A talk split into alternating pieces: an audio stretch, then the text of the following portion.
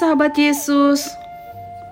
Wah, kita baru saja memperingati hari kebangkitan Tuhan Yesus. Kita harus selalu bersyukur ya adik-adik karena cintanya Allah Bapa kepada manusia, maka Tuhan mengutus anaknya yang tunggal untuk menebus dosa-dosa kita. Dosa adik-adik, Tante Desi, Papa Mama, ya pokoknya kita semua. Tuhan Yesus sangat sayang kepada kita. Tuhan Yesus rela mati di kayu salib agar dosa-dosa kita dihapuskan dan kita semua dimerdekakan dari dosa. Adik-adik, tema renungan kita hari ini adalah dibangkitkan untuk hidup kembali. Mari kita siapkan Alkitabnya ya dan sama-sama kita buka Matius 28 ayat 1 sampai 10. Matius 28 ayat 1 sampai 10.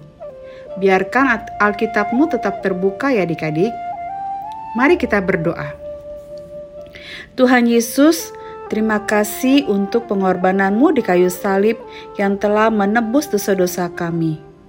Tuhan Yesus, terima kasih juga untuk penyertaanmu sepanjang hari. Tuhan, saat ini kami mau belajar firman Tuhan. Ajari kami agar dapat mengerti firman-Mu dan mampukan kami agar dapat melakukan firman Tuhan sepanjang hidup kami. Dalam nama Tuhan Yesus kami berdoa. Amin. Matius 28 ayat 1 sampai 10. Setelah hari Sabat lewat, menjelang menyingsingnya fajar pada hari pertama minggu itu, pergilah Maria Magdalena dan Maria yang lain menengok kubur itu. Maka terjadilah gempa bumi yang hebat, sebab seorang malaikat Tuhan turun dari langit dan datang ke batu itu dan menggulingkannya lalu duduk di atasnya.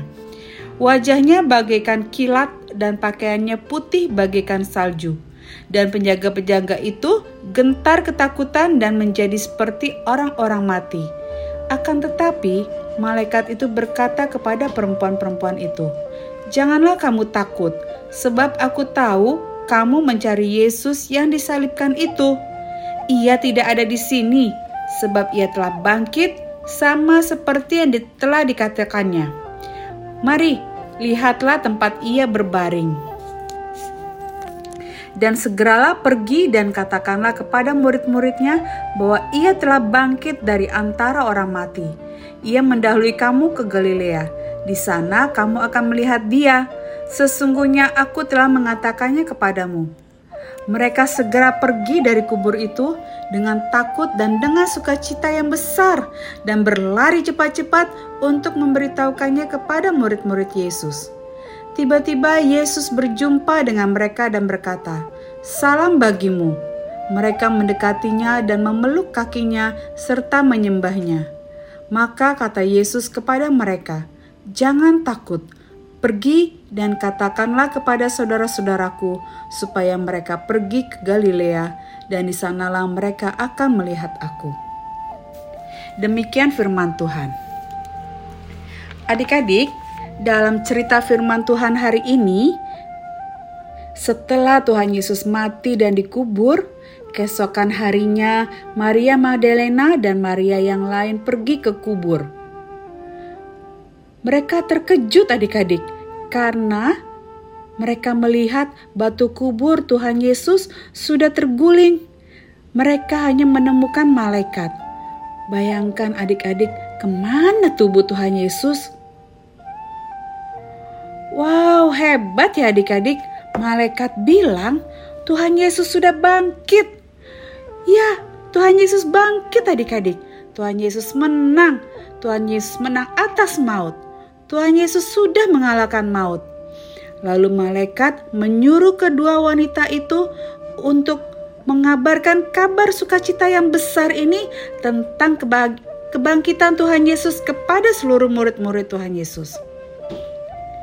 Adik-adik, seperti dalam cerita bulan hari ini, bulan sangat khawatir karena papanya sakit jantung adik-adik. Ya, sakit jantung itu sangat berbahaya. Ada gangguan pembuluh di pembuluh darah jantung papanya. Dokter bilang, Papa Bulan harus segera dioperasi. Tentu saja adik-adik Bulan sangat ketakutan. Banyak sekali yang dipikirkan oleh Bulan. Misalnya, bagaimana ya dengan sekolah Bulan dan adik-adiknya? Bagaimana mereka bisa makan, dan masih banyak lagi yang dipikirkan oleh Bulan. Lalu, Bulan berdoa kepada Tuhan Yesus, meminta pertolongan Tuhan Yesus agar menjamah papanya yang sedang sakit. Bulan tahu hanya Tuhan Yesus yang dapat menolong papanya. Lalu, Papa Bulan mendapat perawatan yang lebih intensif di rumah sakit. Hari demi hari, Papa Bulan tinggal di rumah sakit untuk mendapat pengobatan. Tapi adik-adik, Suatu hari dokter bilang, Papa Bulan tidak perlu dioperasi dan dinyatakan sehat kembali. Wah, Mama Bulan, Bulan, dan adik-adik sangat bersuka cita dan bersyukur kepada Tuhan.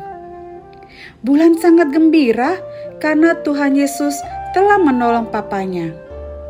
Yang tadinya bulan merasa seperti tidak ada harapan, tapi Tuhan telah membangkitkan kembali papanya, sembuh dan sehat kembali. Bagaimana menurut adik-adik dengan kisah bulan?